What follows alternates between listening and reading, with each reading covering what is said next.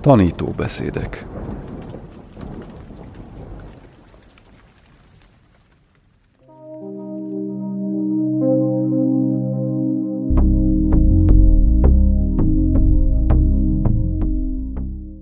Acsán szóna. Virtuális mettá elvonulás. Ötödik rész. Mérhetetlen kincs Mielőtt tovább haladnánk ezzel a szuttával, szeretném elmagyarázni a bevezetését, mert fontos lehet, hogy megértsétek az összefüggéseket. Ezt a szuttát a szerzeteseknek adta át a butha, és ezek a szerzetesek egy olyan erdőben tartózkodtak, ahol korábban még soha nem jártak. Egy gyönyörű, elragadó erdőben. Fenyőfák, fehér homok és hasonló szépségek vették körül őket. Akadt némi nehézségük és problémájuk, mert úgy tűnik, úgy telepettek le, hogy nem voltak tekintettel a többi, szintén ott élő élőlényre. Nehéz leírni ezeket az élőlényeket, de a lényeg az, hogy a szerzetesek zavarba ejtő dolgokat tapasztaltak. Látomásaik voltak, és mintha a körülöttük lévő láthatatlan világ zaklatta volna őket, ami rossz hatással volt a hangulatukra. Összezavarodtak, és amikor elkezdtek erről beszélni egymással, kiderült, hogy mindannyian ugyanezt élték át, ezért felkeresték a buthát. Ő pedig azt mondta nekik, betörtetek ezeknek a lényeknek a területére.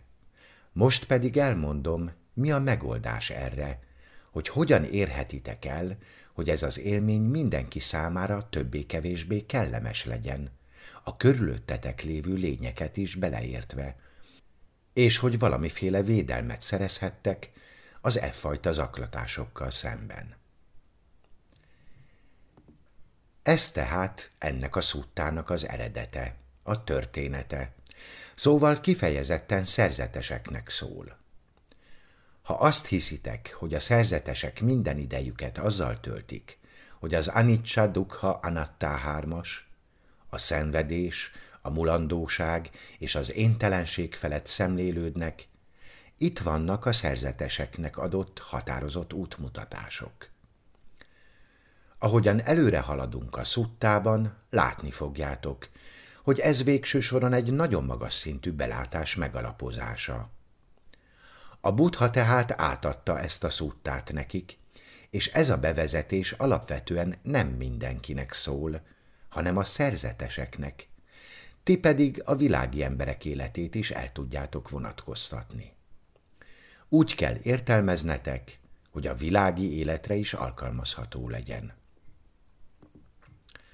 Folytassuk hát a következő tulajdonsággal, amit ki kell fejleszteni a szeretetteli kedvesség támogatása érdekében, mert ez a személyiségetek felépítésének nagy részétől elválaszthatatlanul működik. Attól, ahogyan az életet felfogjátok, ahogyan hozzáálltok az élethez. Megbeszéltük, hogyan legyünk békések és nyugodtak. Gondoljatok bele, milyen lenne, ha a látható világon kívül is léteznének állatok? Van az állatok látható, vagy kvázi látható világa. Ne feledjétek, hogy a Krisztus előtt 5. századról beszélünk, és ők az erdőben éltek. Még most a 21. században, és persze a 20. században is hosszú időt töltöttem erdei szerzetesként. Lehet, hogy egy kicsit megváltoztak az erdők, de még mindig tele vannak vadállatokkal, mind Ázsiában, mind itt Kanadában. Ezekkel az állatokkal pedig folyamatosan kapcsolatban vagyunk. Vannak, akik nagyon idegessé válnak az állatok közelében, és minél idegesebbek és agresszívebbek lesztek az állatok közelében, annál idegesebbek és agresszívebbek lesznek ők is a ti közeletekben. Ugyanez a tanács vonatkozik a másféle lények kezelésére is, beleértve az embereket is. Átéltem ilyesmit szerzetesként, valójában nyugaton, de Ázsiában is megtörténhet, hogy amikor megérkeztek valahová, és elfoglaljátok a szállásotokat, és az emberek nem azt látják bennetek, amik valójában vagytok, vagy ami a célotok, gyanakvóak és agresszívek lehetnek, és ugyanez vonatkozik a szerzetesekre is, hogy hogyan viselkedtek, milyen az arckifejezésetek, milyen a járásotok, hogyan kommunikáltok, hogyan beszéltek az emberekkel. Ez mind csökkenti a feszültséget a más lényekkel való kommunikációtokban. Nagyon fontos megértenetek, hogy ezt sugározzátok ki magatokból, nem csak mentálisan, hanem minden mozdulattal, amit tesztek, az arcotok minden apró rezzülésével, a hangszínetekkel. A többi lény olvas az összes ilyen dologban. Az az intuitív képesség, hogy olvasni tudjunk ezekből a jelzésekből, az evolúciós fejlődésünk része. Ha nem tudjátok leolvasni egy másik lény viselkedéséből, hogy veszélyese lehet-e rátok nézve, akkor veszélybe kerül a túlélésetek. Ez tehát a más lényekkel való kapcsolatteremtés és az éberség magasan fejlett szintje, és tudatában kell lennetek, hogy a lények rendelkeznek vele, hogy különböző módokon kommunikálhattok, és hogy meg tudtok előzni bizonyos helyzeteket, megállíthatjátok a bajt még azelőtt, hogy bekövetkezne. Szóval az erre a csodálatos helyre érkező szerzetesek nem voltak elég körültekintőek, nem voltak tudatosak azzal kapcsolatban, ahogyan mozogtak, beszéltek, és ezzel kapcsolatban kaptak útmutatást. Ez nem csak az erdőben érvényes, tudjátok, ugyanígy igaz a többi lényel és az emberekkel való kapcsolataitokra is. Ezt értette a butha béke és nyugalom alatt. A következő. Legyenek bölcsek, legyenek jók. Bölcsek és jók. A bölcsesség azt jelenti, hogy legyetek elég bölcsek ahhoz, hogy képesek legyetek meghallgatni az útmutatásokat, és odafigyelni rájuk. Arról is szól a bölcsesség, hogy mi a célotok. Megpróbáljátok legyőzni a természetes hajlamotokat, a haragot, a mohóságot és az öt akadályt illetően. A bölcsesség azt jelenti, hogy megszüntetitek ezeket, és nem csak hatni próbáltok rájuk, hanem megváltozik a motivációtok is. Bölcsek és jók vagytok, tehát elsajátítjátok ezeket a készségeket. Korábban már beszéltünk ezekről, például a helyes beszédről. A helyes beszéd nagyon fontos, és ha emlékeztek rá, a helyes beszéd megfelelő módja az, hogy a megfelelő irányba terelitek az érzelmeiteket. Ha tehát a szívetek a helyén van, akkor az élet különböző területein is jobbak lesztek. Az utolsó páros a következő. Kerüljék a büszkeséget, és ne legyenek követelőzők. A szerzeteseknek meg kell valósítaniuk ezt, és ez ugyanígy érvényes az általános környezetetekre is. A munkában, a hierarchia bármely fokán legyetek is a munkahelyeteken, bármilyen is a családotok felépítése, és természetesen ugyanígy a szerzetesekre is vonatkozik. Ugyanúgy megvannak az idősekre vonatkozó és más egyéb szabályok. A buddha arra ösztönzi a szerzeteseket, hogy ne cselekedjenek büszke vagy követelőző módon. Míg a követelőzés inkább talán a világiakra irányul, mivel a szerzetesek a világiaktól függnek, tőlük kapják az ételt a szilkéjükbe, néha a köpenyüket is, a gyógyszereiket, a hajlékukat, nem szabad követelőzőnek lenniük. Az emberek azt mondják, ó, a szerzetesek minden nap koldulnak, nos, a szerzetesek nem mennek minden nap koldulni. Miért támaszkodnak egyáltalán a szerzetesek a világiakra? Miért nem kezdenek gazdálkodni? Miért nem lesznek remeték? Vannak olyan szerzetes rendek, amelyek megteszik, nem buddhista rendek, hanem katolikusok, ők önfenntartóak, gondoskodnak a megélhetésükről. Miért nem teszik ezt a buddhista szerzetesek? Mert a buddha arra kérte őket, hogy ne tegyék. Nagyon fontos, hogy ne váljanak függetlenné. Nagyon érdekes helyzet az, amikor megpróbálunk nem törekedni a függetlenségre. A legtöbb ember függetlenségre törekszik. Mindenben önállóak szeretnének lenni, önálló életvitelt szeretnének, önfenntartóak szeretnének lenni, hogy ne kelljen más emberekkel foglalkozniuk. A buddha azt mondja, ne tegyük ezt. Azt mondja, arra kérlek titeket, hogy fizikailag továbbra is támaszkodjatok a körülöttetek lévő világi közösségre. Ennek a fő oka az, hogy ezáltal ők lehetőséget kapnak a nagy lelkűség gyakorlására, hogy kommunikálni tudjatok egymással.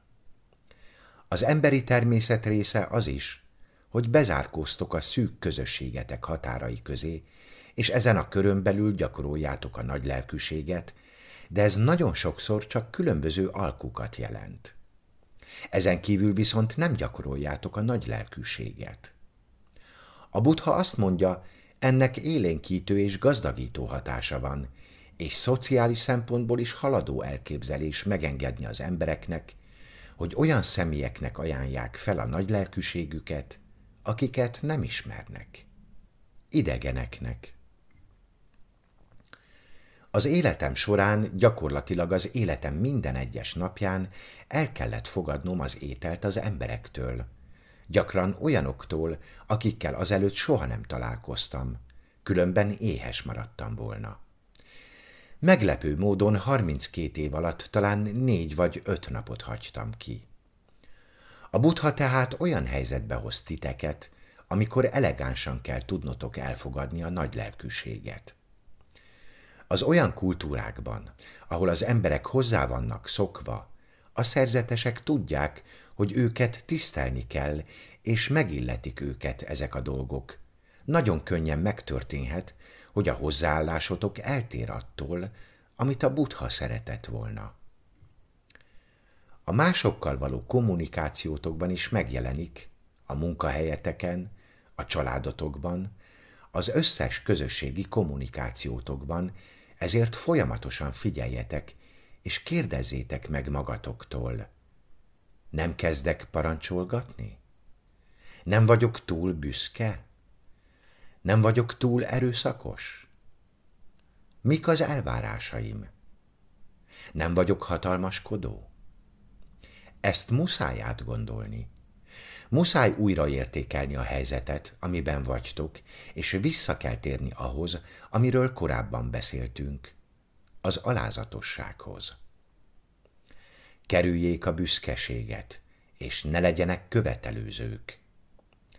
A szerzeteseknek komoly szabályok szerint kell végighaladniuk a falun, derűsen, jó akarattal és szeretetteli kedvességgel a szívükben, és ahogyan említettem, nem koldulnak, hanem valójában egyfajta szolgálatot végeznek. Amikor tájföldön voltam, sokszor láttam ezt. Egy nyugati szerzetes számára eltarthat egy ideig, mire felfogja a valódi értelmét az alamizsna gyűjtésnek. Néha meghívják az erdei szerzeteseket a nagyobb városokba, mint bankok. Olyan helyen laktunk, amit az emberek ténylegesen a szerzetesek számára építettek, hogy szállást biztosítsanak számukra. Gyakran igen vagyonos emberek voltak azok, akik meghívták magukhoz a szerzeteseket egy pár napra, és nagyon ízletes ételeket ajánlottak fel. De vannak olyan szerzetesek, és a tájszerzetesek is ilyenek, akik akkor is alamizsnát gyűjtenek, ha megvan a lehetőségük arra, hogy tartsanak egy kis szünetet, és elfogadják az ilyen módon felajánlott ételt. Először meglepődtem, hogy mi lehet a baj. Nem szeretik azt az ételt? Egyáltalán nem erről volt szó. A felajánlott étel kiváló volt, de ők úgy érezték, kötelességük mindig elérhetőnek lenni, azaz a szerzeteseknek kötelességük mindig lehetőséget biztosítani az emberek számára, hogy megnyissák a szívüket, hogy nagy lelkűek legyenek. Ez egy olyan dolog, amit meg kell tanulnunk megérteni. Ezt világi emberként is alkalmazhatjátok az életetekben, a másokkal való szeretetteli kapcsolataitokban, ahol szintén szükség van arra néha, hogy képesek legyetek az elfogadásra. Sokan szeretnek mindig adni, de ez egy hatalmi pozíció. Képesek vagytok elengedni a hatalmat, és az elfogadó pozíciójába kerülni? Fel tudjátok ismerni, hogy mások is ugyanúgy szeretnek adni, és nektek képesnek kell lennetek szépen elfogadni ezeket a dolgokat? Ezek kölcsönös kapcsolatban állnak egymással, az adás öröme és az elfogadás szeretete. Ez nem a dolgok megkapására irányuló szeretet, hanem a mások nagy lelkűségének elfogadására való nyitottság, és annak felismerése, hogy ezáltal az ő életük is jobb lesz. Vannak, akik nagyon jól tudnak elfogadni. Mások nagyon feszültek lesznek tőle. Félnek elfogadni bármit. Nem szeretik. De ez a kapcsolatok természetét illető megértés hiányából fakad. Az utolsó sor. Ne kövessék el a legcsekélyebb dolgot sem, amivel magukra vonnák a bölcsek rosszallását. Ez Hiri és Ottapa. A hatalmas aggodalom a jól létetek miatt, ami ahhoz vezet, hogy erkölcsösen fogtok cselekedni. A szigorú erkölcsösség hiányában ugyanis nem tudtok jól lenni, nem tudjátok megvalósítani ezt. Az emberek persze mindig megpróbálják, azt hiszik, hogy a lophatnak és megtehetnek sok mindent, és boldogok lesznek, de nem, erről szó nincsen. Nem értik, hogy a tudatnak is megvannak a maga törvényei, és ez az, ami az erkölcsösség mögött áll. Ez az, ami az erényesség mögött áll. Az erényesség hátterében álló valódi motiváció a harag hiánya, a kapzsiság hiánya és az önteltség hiánya. Ez áll a síla az erényesség hátterében, és ezek nélkül az ember nem lehet boldog. Figyelnünk kell tehát magunkra, most és a jövőben is, azáltal, hogy felismerjük a saját erényeink értékét, és arra törekszünk, hogy megtartsuk őket. A második dolog pedig az, hogy tiszteljük és fontoljuk meg a bölcsek véleményét. Erről beszél ez a szútta.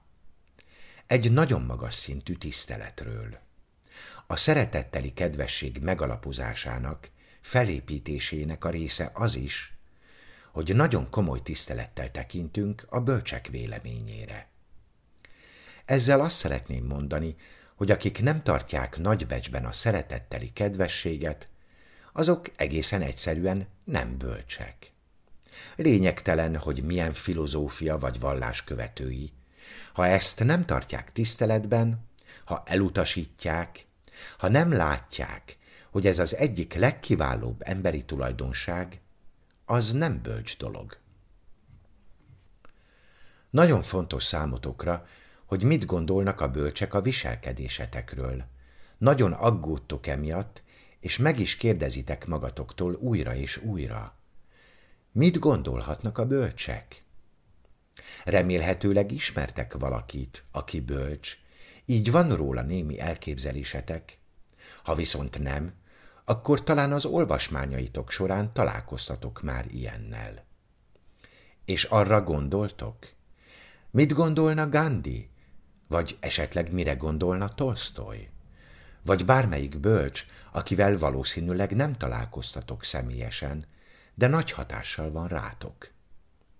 Feltehetitek a kérdést, hogy mit tennétek, mit gondolnak a viselkedésetekről.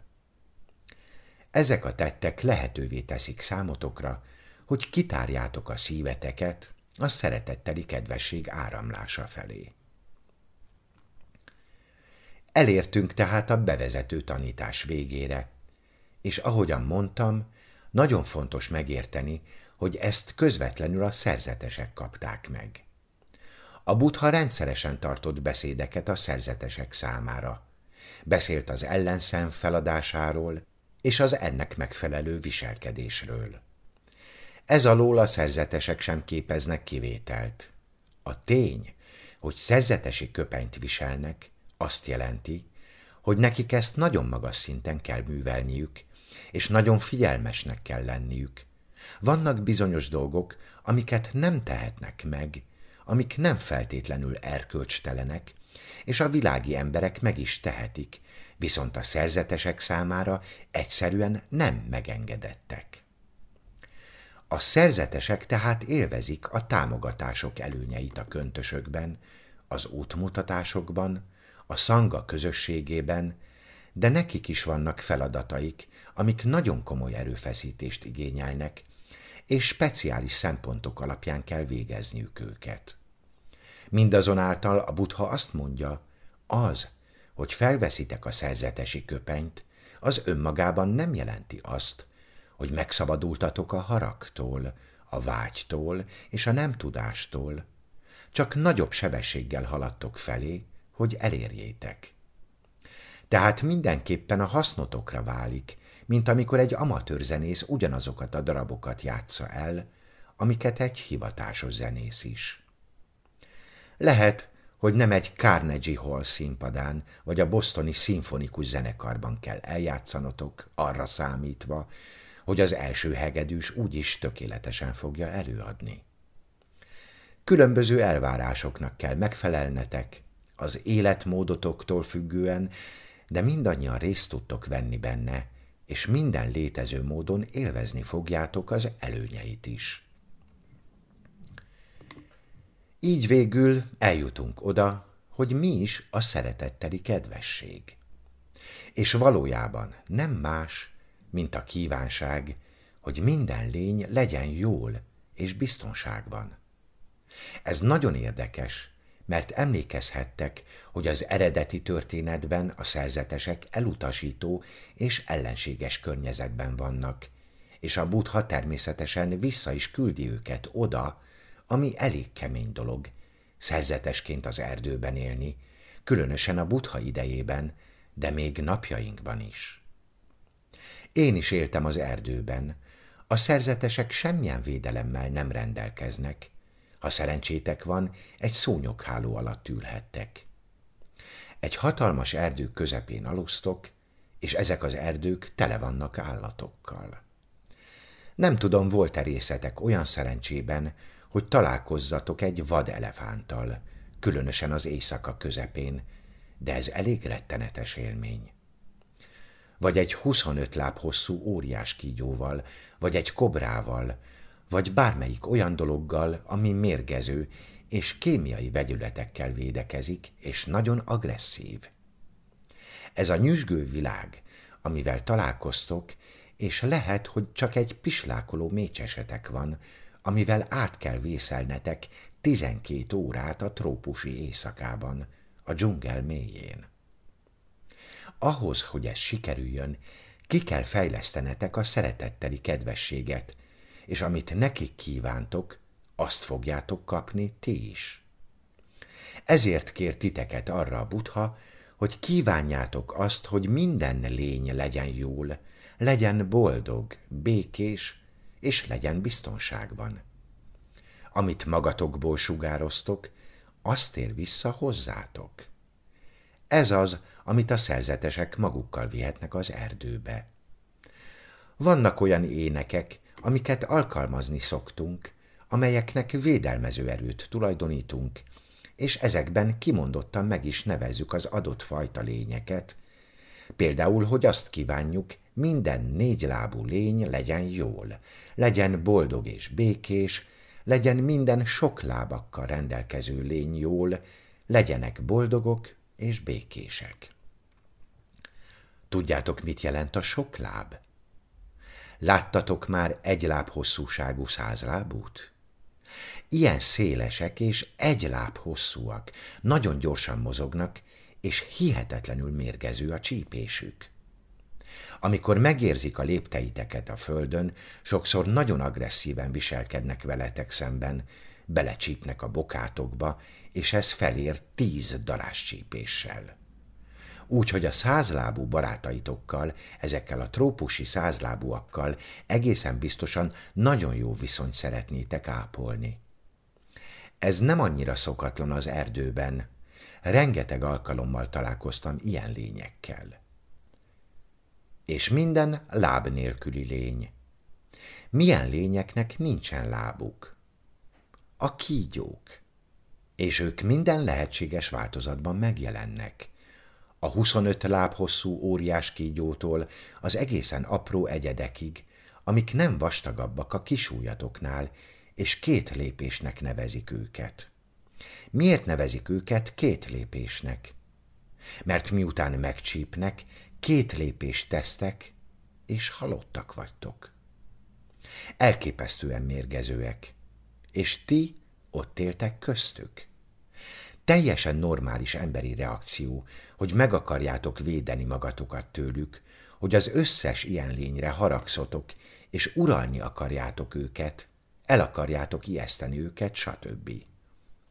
Ez nem jó hozzáállás, és a szerzetesek nagyon komoly tapasztalatokat szereztek a túléléssel kapcsolatban. Ahhoz képest, hogy mennyi időt töltünk az erdőben, teljesen védtelenül, nagyon kevés agresszív támadás éri a szerzeteseket az állatok felől. Vannak szerzetesek, akik kevésbé jók ebben, idegesek lesznek, néha elfelejtik gyakorolni a szeretetteli kedvességet. Előfordul, hogy elbízzátok magatokat, azt hiszitek, hogy bármilyen élőlényt meg tudtok közelíteni, és meg tudjátok simogatni a fejét, de ez nem mindig működik így. Az alázattal is foglalkoznotok kell. Nagyon fontos megérteni a szeretetteli kedvességet, de ne ragadtassátok el magatokat. Miután számos ilyen helyzetet megértem a kolostori társaimmal és világiakkal is, elmondhatom, hogy eljön az a pont, amikor bízni kezdtek ebben a hozzáállásban, és felismeritek, hogy valóban létezik ez a fajta kapcsolat. A szeretetteli kedvességnek is van védelmező hatása számotokra, és ezzel nem csak mások javát szolgáljátok. Elsősorban számotokra lesz üdvös eredménye. Meg szokták kérdezni tőlem, ha szeretetteli kedvességet sugárzok magamból ezek felé az emberek felé, érezni fogják? Nem feltétlenül. Nincs rá garancia, hogy az emberek megérzik ezeket a szeretet hullámokat. Főleg, ha nem ülnek egy szobában veletek, és nem látják az arckifejezéseiteket. És vannak olyanok is, akik nem is tudják, miről van szó de ti érezni fogjátok. Száz százalékban tudom garantálni nektek, hogy minden egyes alkalommal, amikor valóban, őszintén felkeltitek a szeretetteli kedvességet, érezni fogjátok. És ez a trükkje. Ha nem érzitek, akkor az nem is szeretetteli kedvesség. A szeretetteli kedvesség egy érzés, az egyik legfenségesebb és legcsodálatosabb érzés. Minden egyes pillanatban hasznotokra válik, és minden olyan lény, aki képes érzékelni, aki nyitott rá, szintén megtapasztalja és részesül belőle. Képzeljétek el, hogy egy szobában ültök valakivel, és érzitek, hogy semmilyen fenyegetést nem jelent számotokra, hogy biztonságban vagytok mellette érezni fogjátok, hogy nagyon könnyű viszonozni ezt. Nagyon könnyű. Érzitek a közösséget egymással. Ha ezt meg akarjátok érteni, próbáljátok ki az ellenkezőjét. Képzeljétek el, hogy egy olyan teremben ültök, ahol a körülöttetek lévő emberek fizikailag fenyegetnek titeket. Agresszívek, vagy el akarnak lopni tőletek valamit, esetleg ki akarnak használni titeket. Képzeljétek el. Ugyanezt a hozzáállást fogjátok felvenni. Az alapvető kedvességgel ellentétben, amikor az életeteket is rámernétek bízni valakire. Amikor el tudtok aludni a jelenlétében, és biztonságban ébredtek fel. Ez a szeretetteli kedvesség szépsége. Borzalmas lenne úgy létezni, ha ezt nem ismernénk. Ha olyan társadalomban kellene élnetek, ahol senki sem ismeri, ahol mindenki csak saját magáért élne, elvenni, amire szüksége van, és alattomos eszközökhöz folyamodna, stb. A népesség jelentős része él ilyen helyzetben, és ez rettenetes. A bölcsességeteknek részben az a feladata, hogy kivezessen titeket az ilyen helyzetekből. Ez az én szeretetteli kedvességgel kapcsolatos tanácsom számotokra. Jobb egyedül, mintha egy bolonda társad. A bolond az, aki nem ismeri a szeretetteli kedvességet. Csak is önös érdekek vezérlik. Ő nem olyas valaki, akivel együtt kell lennetek. Az önmagatok iránti kedvességből fakadóan, ha egyedül kell szembenéznetek az élettel, tegyétek meg. Ezt kiegészítve támogassátok magatokat a szeretetteli kedvességgel. Érezni fogjátok, hogy nincs szükségetek olyan nagy társaságra, ha fel tudjátok kelteni a szeretetteli kedvességet, és ebben az esetben csodálatos élmény egyedül lenni. Még ha egyedül vagytok is, ha megvan bennetek a szeretetteli kedvesség, közeli kapcsolatban vagytok minden lényel.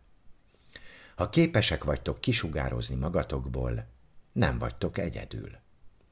Ha pedig sok más lény társaságában vagytok, és semmiféle jó szándékot nem tudtok felkelteni magatokban, mélységesen magányosak lesztek. Elidegenedettek és magányosak. Meg kell vizsgálnotok ezt magatokban, és fel kell ismernetek, hogyha képesek vagytok uralni a szeretetteli kedvesség érzelmét, korunk számos problémáját fel tudjátok oldani, amelyeknek az elidegenedés, a magány és a kapcsolatteremtésre való képtelenség az alapja. Nagyon értékes tehát az, ha megértitek, hogy ennek gyakorlásával mérhetetlen kincs birtokába juttok. Fordította Ráckis Andrea. Elmondta Kövesdi László.